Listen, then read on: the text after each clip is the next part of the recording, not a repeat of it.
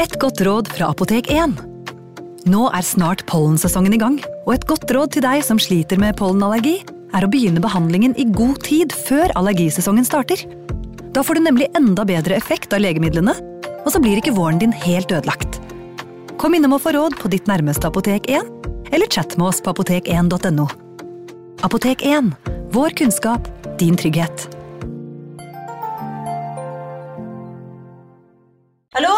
Jeg kommer fra Oslo politikammer. Ine Jansen er purk. Er du purk? The motherfucking bitch. Alt jeg vil, er å finne ut hva som skjedde med mannen min. Jon Carew. Er jeg sikta for noe? Iben Akeli. Det er du. Ole So, Lars Berrum og Big Daddy Karsten. Hvem sin side er du på, egentlig? Anette Hoff, Tone Danielsen, Kommer du fra Afrika? Jørnis Josef, Nesten kløfta. Trond Espen Seim, Det er synd å si det, men det var feil mann som døde. Purk. Premiere tirsdag på TV2 Play. Ungsamtalen fra DNB er økonomisk veiledning tilpasset deg som er ung. Bokk en ungsamtale på dnb.no. slash ung. Det er kjempebra hvis du skal inn på boligmarkedet, hvis det er drømmen din, liksom. Det er det du skulle sagt. Og så kunne du ropt litt mer, da, sånn som jeg gjorde. Bam! Advarsel. Historiene vi forteller i denne podkasten kan være fiktive og avvike fra den opprinnelige historien av dramaturgiske årsaker. Meninger og påstander i historiene reflekterer nødvendigvis ikke programledernes meninger eller virkeligheten.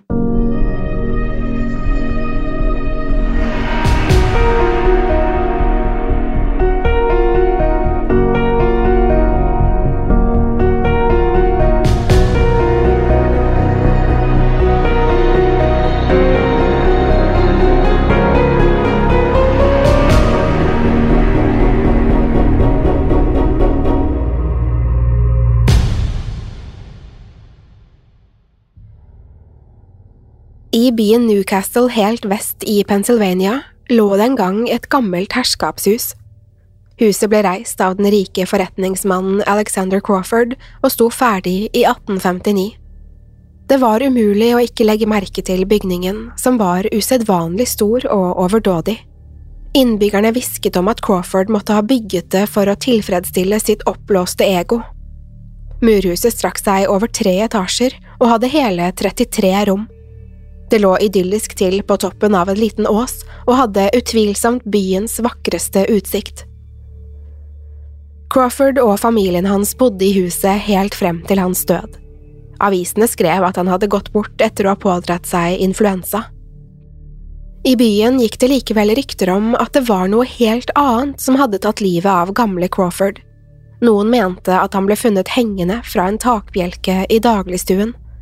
Andre hevdet at han hadde kastet seg fra et vindu i tredje etasje. Kort tid etter Crawfords død gikk også hans kone bort. Ikke lenge etter forlot alle barna deres Newcastle. Det var mange som lurte på hvorfor ingen av dem arvet det ærverdige huset. Årene gikk, og det gamle Crawford-huset sto stadig tomt. Flere år senere returnerte Crawfords eneste gjenlevende sønn til Newcastle. Han la blomster ved foreldrenes grav før han reiste hjem til New York. Mange syntes det var merkelig at han ikke ønsket å besøke barndomshjemmet. Så snart han var tilbake i New York, sørget han for at huset ble solgt til en veldedig organisasjon. Han var åpenbart ikke ute etter penger og ville ha kun én dollar for huset. Som om ikke det var nok, donerte han flere tusen dollar til den samme organisasjonen. Hans eneste krav var at en del av pengene skulle brukes til å fjerne alle peisene i huset. Dette var veldig viktig for ham, men da han ble spurt om hvorfor, nektet han å svare. Det eneste han sa, var at det ikke kunne være åpen ild noe sted i huset. Dermed ble huset omgjort til et barnehjem, men det viste seg snart at dette ikke var et trygt sted for barn. Engene utenfor huset var nemlig spesielt utsatt for brann om sommeren. I tillegg var det dobbelt jernbanespor like nedenfor huset. Det skulle ikke ta lang tid før de ble rammet av en tragedie. En varm sommerdag dro fire jenter fra barnehjemmet ned til en liten elv for å bade. For å komme seg dit var de nødt til å krysse togsporene. Uten en skikkelig planovergang eller gjerder var det en dødsfelle for små, uforsiktige barn. På vei hjem igjen fra elven ble de møtt av et digert godstog på sporet. Toget sto stille og ventet på reparasjoner, så jentene bestemte seg for å krysse skinnene. Motoren buldret og overdøvet lyden av passasjertog som kom i full fart på det andre sporet. Idet jentene løp forbi godstoget, ble de truffet av passasjertoget. Alle fire døde på stedet. Kort tid etter ulykken ble barnehjemmet stengt. Nok en gang ble huset stående tomt i en lengre periode før det ble kjøpt av et utleiefirma. Men huset var i svært dårlig stand, og ingen var interesserte i å flytte inn. I løpet av 20 år ble det kun leid ut én gang. En ung familie bodde der, men de flyttet ut igjen etter kun noen måneder. Dermed ble huset igjen stående tomt, ensomt og forlatt. Hagen ble til en jungel, og planter vokste vilt oppover veggene. Det var ingen som ofret huset en tanke. Det var ikke før i 1967 at det endelig skulle bli liv i Crawford-huset igjen. Det flyttet inn en rund og velstelt mann som het Gerald. Han var kiropraktor, men arbeidet i tillegg som hypnotisør. Gerald var veldig glad i mennesker, og alle som møtte ham, var enige om at han var en vennlig og sympatisk mann. Han passet egentlig ikke inn blant knuste ruter og store, støvete rom. Likevel bestemte han seg for å leie Crawford-huset. Gerald var nyskilt og hadde lite kontakt med sin eneste sønn. Dessuten hadde klinikken hans nylig stengt ned på grunn av flere regelbrudd. Detaljene nådde aldri pressen, men det gikk rykter om alvorlige hendelser. Da Gerald fikk se huset for første gang, følte han en umiddelbar tilknytning til det. Til tross for at det var gammelt og nedslitt, hadde det fremdeles en del av sin gamle pomp og prakt i behold. Et av de største trekkplasterne hadde likevel vært prisen. Etter bruddet og stengingen av klinikken var dette midt i blinken for Gerald. Da han signerte kontrakten, hadde han likevel ingen anelse om at han skulle bli husets siste leieboer. Huset ble leid ut som det var. Derfor ble det Geralds oppgave å rydde, vaske og reparere det slitne huset. Hele den første uken hadde gått med til å feie opp støv og fjerne gammelt rot. Gerald var så opptatt med å få i stand huset at han ikke merket at noe var forferdelig galt. En natt da Gerald lå og sov i andre etasje, ble han vekket av et voldsomt brak som fikk hele huset til å riste. Han spratt opp av sengen og fant frem en lommelykt. Etter å ha tatt på seg tøflene begynte han å lete gjennom det digre huset. Han undersøkte hvert eneste rom i andre etasje, men la ikke merke til noe uvanlig. Til slutt kom han til inngangshallen. Her ble han stående og lytte, og han kunne ikke høre noe som helst. Gerald bestemte seg for at det måtte ha vært en merkelig drøm, og begynte å gå tilbake mot trappen. Men da lyset fra lommelykten hans traff den store trappen, stanset han brått. Like foran det første trappetrinnet svevde en slags røyksky. Røyken beveget seg stille i små virvler men ga ikke fra seg en eneste lyd. Gerald ble bare stående og studere skyen før han gikk forsiktig nærmere. Han strakk ut en hånd så fingertuppene så vidt rørte røyken. Skyen løste seg opp og forvandlet seg til en tykk, iskald tåke. Den omkranset han og føltes umiddelbart iskald mot huden. Plutselig var det som om han ikke lenger kunne røre seg. Det var som om tåken hadde grepet tak i hver eneste muskel og holdt dem fast. Tusen hender klamret seg fast mens tåken sløret til synet hans. Gerald forsøkte å vri seg løs, men det var nytteløst. I neste øyeblikk løste tåken seg opp, og han fikk tilbake kontrollen over kroppen. Da han igjen kunne se klart, oppdaget Gerald at han ikke sto i bunnen av trappen lenger. Han hadde ikke merket at bena bevegde seg, men nå var han tilbake på soverommet igjen. Gerald kikket forvirret rundt seg mens han prøvde å forstå hva som foregikk. Han var sikker på at han ikke hadde gått opp trappen til soverommet selv, men Gerald var en fornuftig mann og mente det måtte finnes en naturlig forklaring. Han klarte likevel ikke å forstå hva som hadde skjedd. Hadde det hele vært en drøm?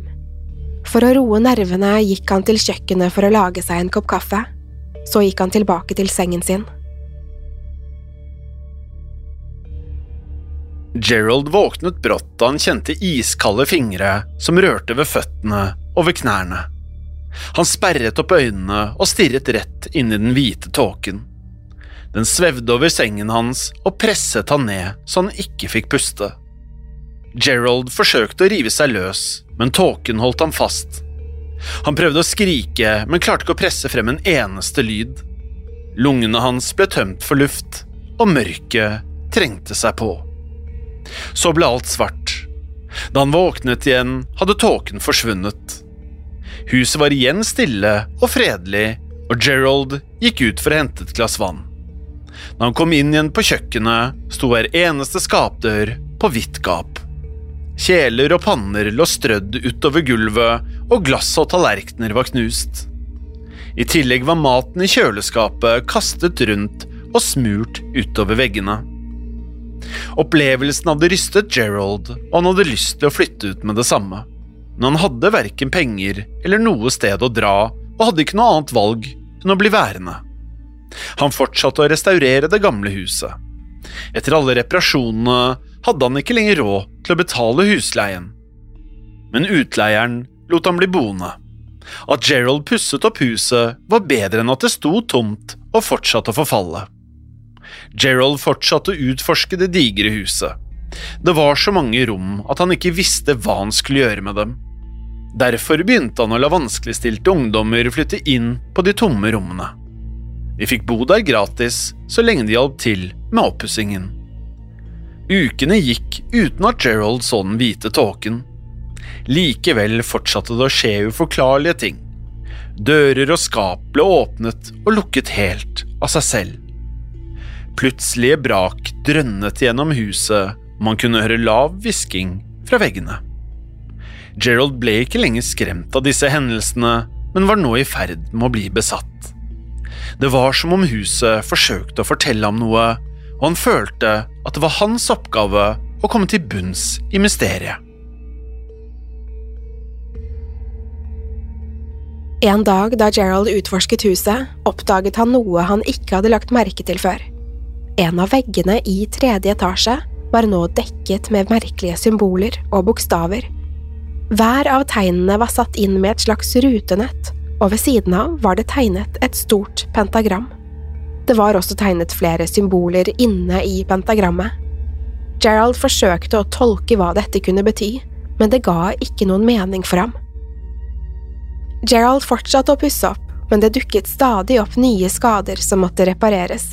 Samtidig returnerte en ung mann til Newcastle etter å ha tjenestegjort i Vietnam. Han het Jack Sweeney og var bare 21 år gammel. Jack var en ung mann med en brokete fortid. Etter at samtlige medlemmer av familien hans hadde dødd i en husbrann da Jack var liten, hadde han vært inn og ut av fosterhjem. Da han kom tilbake etter krigen, visste han ikke hvor han skulle gjøre av seg. Det var frem til han hørte om en vennlig, middelaldrende mann som bodde i Crawford-huset. Jack dro for å snakke med Gerald og fant snart ut at de delte flere interesser. Etter all ulykken som hadde rammet familien hans, hadde nemlig Jack blitt svært opptatt av det overnaturlige og okkulte. Gerald var strålende fornøyd. Han satte pris på samtalene, og Jack kunne samtidig hjelpe til med oppussingen. Problemet var bare at Gerald hadde gått tom for penger og kunne ikke betale for materialer til å fortsette restaureringen. Han hadde ikke engang råd til å betale strømregningen. Vinteren nærmet seg, og han var nødt til å gjøre noe. Uten en eneste peis i huset ville han og den unge mannen møte en grusom vinter. Gerald innså etter hvert at huset kunne være løsningen på problemene hans. Han hadde lest seg opp på byggets historie og begynte å spille inn små fortellinger. Med Jacks hjelp gikk han i gang med å gjøre i stand huset til omvisninger. Snart dukket det opp en annonse i lokalavisen med teksten Opplev et ekte hjemsøkt hus fylt med hemmelige ganger. Kun fem dollar for to personer. De fortapte sjelers hus var åpent for gjester. Den første som kom, var en ung journalist fra lokalavisen. Det første hun la merke til, var stanken av røkelse og parfyme. Huset var mørkt, og inngangshallen var kun lyst opp av et par stearinlys ved trappen. Gerald begynte så å introdusere huset. Mens han ledet journalisten fra rom til rom, fortalte han om husets historie og hans egne erfaringer. Journalisten studerte de støvete veggpanelene, den oppsprukne malingen og de tomme rommene. Huset var så godt som ribbet for møbler. Det eneste hun kunne se, var et par gamle bokhyller og noen få skjeve speil. Selv om Gerald fortalte med innlevelse, var det ingenting ved huset som virket skummelt eller overnaturlig. Det fremsto bare som et gammelt, nedslitt hus. Gerald ble nervøs og fryktet at en dårlig anmeldelse kunne ødelegge for planene hans. Plutselig begynte en flaske å sveve noen centimeter over et bord. Journalisten sto frosset i skrekk idet flasken ble kastet opp i luften og landet på den andre siden av rommet. Gerald skjønte umiddelbart at hun var overbevist. Og med det skulle det hjemsøkte Crawford-huset få strålende anmeldelser. Det skulle ikke ta lang tid før fortellingene spredte seg gjennom byen. Folk strømmet nå til for å oppleve huset på nært hold. Etter hvert kom det flere folk fra andre byer bare for å oppleve det hjemsøkte huset. I stedet for å lede dem gjennom huset, ga Gerald dem et stearinlys og et lydopptak. På disse opptakene fortalte han om husets mørke historie. De besøkende lyttet til fortellingene om Crawford-familien, barnehjemmet og Geralds egne erfaringer. Gerald malte røde piler på gulvet som de besøkende måtte følge. I et av rommene satte han opp et bord som fikk det til å ligne en spirituell seanse. Mange av de besøkende opplevde mystiske hendelser i huset. De fortalte om bøker som falt ned fra hyller, og vinduer som plutselig åpnet seg. Gerald dokumenterte ivrig alt det de kunne fortelle. Det føltes som kreftene i huset hadde ventet på muligheten til å vise seg frem. En kveld da Gerald var alene hjemme, kom det to søstre for å se det hjemsøkte huset. Han ga dem hvert sitt stearinlys og ba dem følge de røde pilene. Da de kom tilbake fra turen, spurte de Gerald hvem den unge mannen var, og hvorfor han hadde nektet å snakke med dem. Gerald fortalte at det ikke var noen andre enn han i huset, men søstrene insisterte på at han tok feil. De hadde nemlig sett en ung mann som hadde fulgt etter dem inn i hvert eneste rom. Ifølge søstrene var han høy, blond og hadde svarte klær. De antok at han var en del av omvisningen, men han svarte ikke på noen av spørsmålene deres. Til slutt hadde de forsøkt å gå bort til ham, men den mystiske mannen hadde bare rygget unna før han forsvant i mørket. Gjest etter gjest fortalte om denne unge, blonde mannen som alltid var kledd i svart. Gerald så han aldri selv, men flere mente at den svartkledde mannen hadde fulgt etter dem. Andre ganger ble de besøkende forfulgt av en gråkledd kvinne som hulket og gråt. Andre så en gammel mann med bart og tweedjakke. Gjestene fortalte Gerald om møbler som hadde begynt å sveve, dører som smalt igjen og mystiske, hviskende stemmer. Noen av dem så også den hvite tåken. Selv om Gerald ikke hadde noen forklaring, var han likevel fornøyd. Han fortalte at han endelig hadde kontroll over situasjonen, for ingen ble tross alt skadet. Og innen året var omme, hadde 2000 mennesker vært på omvisning i huset. Flere unge mennesker flyttet etter hvert inn hos Gerald. Crawford-huset ble nesten et fristed for unge menn som returnerte fra Vietnam. Men etter hvert bestemte politiet seg for å gripe inn, og snart begynte de å arrestere alle som holdt til i huset for politiet likte ikke at ungdommer festet og drakk der om nettene. Det dukket stadig opp flere nysgjerrige besøkende. En kvinne som het Nancy, dukket opp flere ganger. Hun var fascinert av huset og følte stadig et behov for å returnere. En kveld gikk hun alene rundt i huset i håp om å få øye på et gjenferd. Men da hun skulle gå ned trappen, kjente hun at noe grep tak i henne og kastet henne forover. Hun falt nedover trappen og kollapset på gulvet. I noen sekunder lå hun der alene, i mørket. Huset var helt stille, bortsett fra Nancy, som gispet etter luft. Men plutselig ble stillheten brutt av en høy, skingrende kvinnelatter. Latteren runget gjennom rommet mens Nancy kikket rundt seg. Stearinlyset hennes hadde slukket idet hun falt ned trappen. Det hadde trillet vekk og lå et par meter foran henne. Plutselig blusset flammen opp igjen, og lyset begynte å brenne av seg selv. Nancy reiste seg og løp ut mens den mystiske latteren runget i veggene. Dette var første gang huset hadde forsøkt å skade noen. Snart skulle Gerald forstå at dette var ment som en advarsel.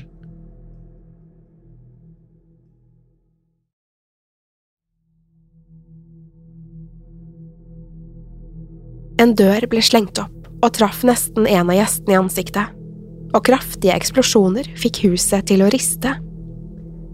En dag oppdaget Gerald at en av dørene hadde blitt fullstendig smadret. Tidligere kunne møblene sveve noen centimeter over gulvet, men nå ble de røsket opp før de smalt i gulvet med et brak. Gerald ble bekymret. Han begynte å få en følelse av at han hadde terget opp noe i huset. Hver kveld følte han at det var noe som forsøkte å gripe tak i ham. Han fortalte en journalist at det føles som om noen eller noe forsøker å besette meg. Ikke lenge etter kom Nancy tilbake med moren og søsteren sin, men denne gangen skjedde det ikke noe uvanlig. Etter turen satt Nancy, moren og søsteren seg i bilen og kjørte vekk fra huset. På vei ut av byen så de to grønne lys på himmelen.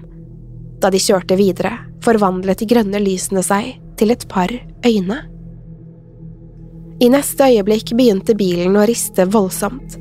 Nancys søster forsøkte å holde bilen stødig, men den spant ut av kontroll. Det var noe som tvang dem over i motsatt kjørefelt. De kunne se lysene fra biler som kom kjørende mot dem. Nancy grep tak i rattet og vred det om. Bilen svingte brått og kjørte av veien og ned i en åker. De bremset, og bilen stanset omsider. Da de kikket opp på himmelen, var de grønne øynene borte. Snart forsto de at de ikke var de eneste som hadde opplevd dette. Gerald dokumenterte alle gjestenes opplevelser, og flere av historiene begynte å danne et mønster. Mange av gjestene hadde ikke opplevd noe spesielt inne i huset, men da de kjørte ut på veien, fikk de seg en ubehagelig overraskelse. Flere fortalte at de havnet i en slags transe før de ble dratt over i motsatt kjørefelt. Andre hevdet at de plutselig ble besatt av å kjøre til kirkegården som lå noen kilometer nord for huset. Dette var kirkegården der hele familien Crawford lå begravet. Ingen av de besøkende hadde foreløpig blitt alvorlig skadd, ikke før huset fikk besøk av tre unge menn. De vandret gjennom huset uten å oppleve noe spesielt. Neste morgen så Gerald et bilde av de tre mennene i avisen. Kort tid etter at de hadde kjørt fra huset, hadde de mistet kontrollen over bilen og krasjet. To av dem hadde omkommet umiddelbart. Gerald ble overveldet av dårlig samvittighet. Han var overbevist om at det var huset som hadde tatt livet av mennene. Kanskje burde han aldri ha åpnet huset for besøkende. Han samlet så de andre leieboerne for å diskutere situasjonen. Han ville ikke stenge dørene, men han ønsket heller ikke at flere skulle dø. Samtalen ble avbrutt av en kraftig eksplosjon fra overetasjen. De gikk for å undersøke, men fant ingenting. Likevel kunne de føle at huset var forbannet. Gerald var desperat. Det føltes som om huset hadde vendt seg mot han. Det hang nå klynger av den hvite, iskalde tåken i hvert eneste rom. Hvor enn de gikk, virket atmosfæren fiendtlig. Gerald bestemte seg for at han var nødt til å prøve å snakke med huset. Han arrangerte derfor en seanse. Gruppen låste alle dørene og satte seg ned ved det runde bordet. Ettersom Jack hadde mye kunnskap om det okkulte, ble han valgt til å lede seansen. Han tente så lyset midt på bordet før han henvendte seg til åndene. Før han rakk å si noe mer, skrudde taklampene seg på. Lyset slo de seg av og så på igjen i rask rekkefølge. Mens lampen flimret, falt plutselig en av mennene bevisstløs om på gulvet. Samtidig begynte Jack å føle seg merkelig. Han kjente en iskald hånd på ryggen hans og klarte ikke å røre seg. Så føltes det som om hånden passerte gjennom ham. Det var som om noe tok kontroll over kroppen hans da hendene plutselig løftet seg i været. Jack begynte å rope vilt rundt seg. Han var vanligvis en stille og rolig mann, men nå banket han neven i bordet. Lysene skrudde seg helt av igjen. Den eneste lyskilden var stearinlyset midt på bordet. Det ristet da Jack slo i bordet. Han snudde seg og løftet hendene som om han skulle kvele vennen sin. Det brøt ut et komplett kaos rundt bordet. Gruppen skjønte at noe var alvorlig galt. To av dem reiste seg og løp bort til lysbryteren. Mens de løp, følte de at det var noe som grep etter dem. De fikk skrudd på lyset, og brått var det som om luften i rommet ble lettere. Jack senket armene. Han forsto ikke hva som hadde skjedd. Det var ikke han som hadde brølt og slått i bordet. Han hadde følt en kraft som forsøkte å besette han.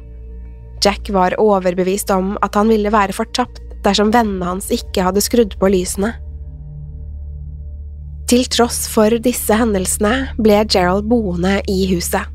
Han følte at han og huset hadde et ubeskrivelig bånd til hverandre. Noen uker etter seansen dukket politiet opp på døren. Bystyret hadde erklært at huset ikke lenger var trygt å bo i, og Gerald og de unge mennene ble tvunget til å flytte. Gerald fikk aldri en ordentlig forklaring på hvilke regelbrudd som var oppdaget. Uansett hvor hardt han kjempet, fikk han aldri lov til å vende tilbake til huset. Fire måneder senere fikk brannvesenet en melding. Klokken halv syv på morgenen den 9. oktober 1970 sto det 110 år gamle Crawford-huset i full brann.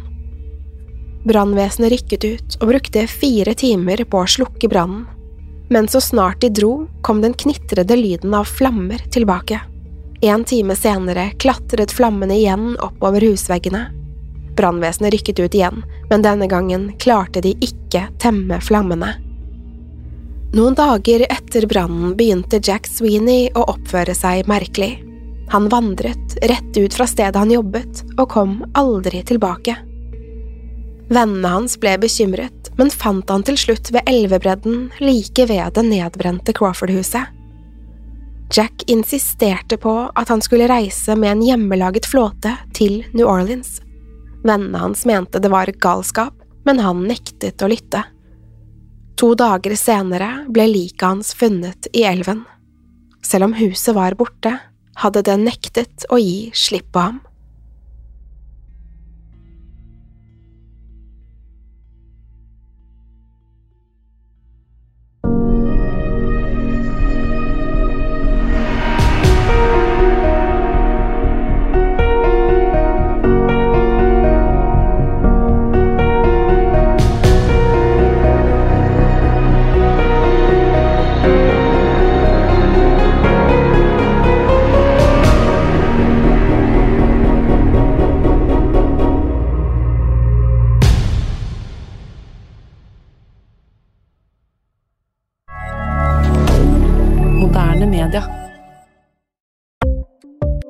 Ukens annonsør er Folio, en smartere banktjeneste for deg som har en egen bedrift eller ønsker å starte for deg selv. Folio er en superenkel nettbank for bedrifter. Som kunde i Folio får du en bedriftskonto med et bedriftskort og app. I denne appen er det smarte løsninger som forenkler regnskapet ditt, uansett om du har en liten bedrift eller et enkeltpersonsforetak. Folio er både intuitivt og brukervennlig, og er laget med et enkelt språk. I tillegg tilbyr de forutsigbare priser og ingen skjulte gebyrer. Skulle du likevel trenge det, så kan du snakke med deres raske og hyggelige kundeservice, og der får du prate med en faktisk person og ikke en chatbot. Folio er med andre ord både enklere og koseligere enn banken.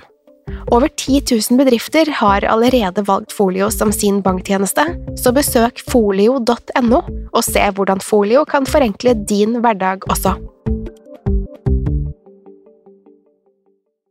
Har du et enkeltpersonforetak eller en liten bedrift? Da er du sikkert lei av å høre meg snakke om hvor enkelt det er med kvitteringer og bilag i fiken, så vi eh, gir oss her, vi. Fordi vi liker enkelt. Fiken superenkelt regnskap. Kiwi er billigst i VGs matbørs og har vært billigst i fire av de fem siste VGs matbørser. Og nå presser vi prisene på frukt og grønnsaker. På 200 gram broccolini setter vi prisen til 24,90. På 400 gram Cevita blåbær setter vi prisen til 49,90. Og husk, alle Kiwi Pluss-kunder får i tillegg 15% trumfbonus på all fersk frukt og grønt. For det er vi som er prispresserne. Og vi i Kiwi gir oss aldri på pris.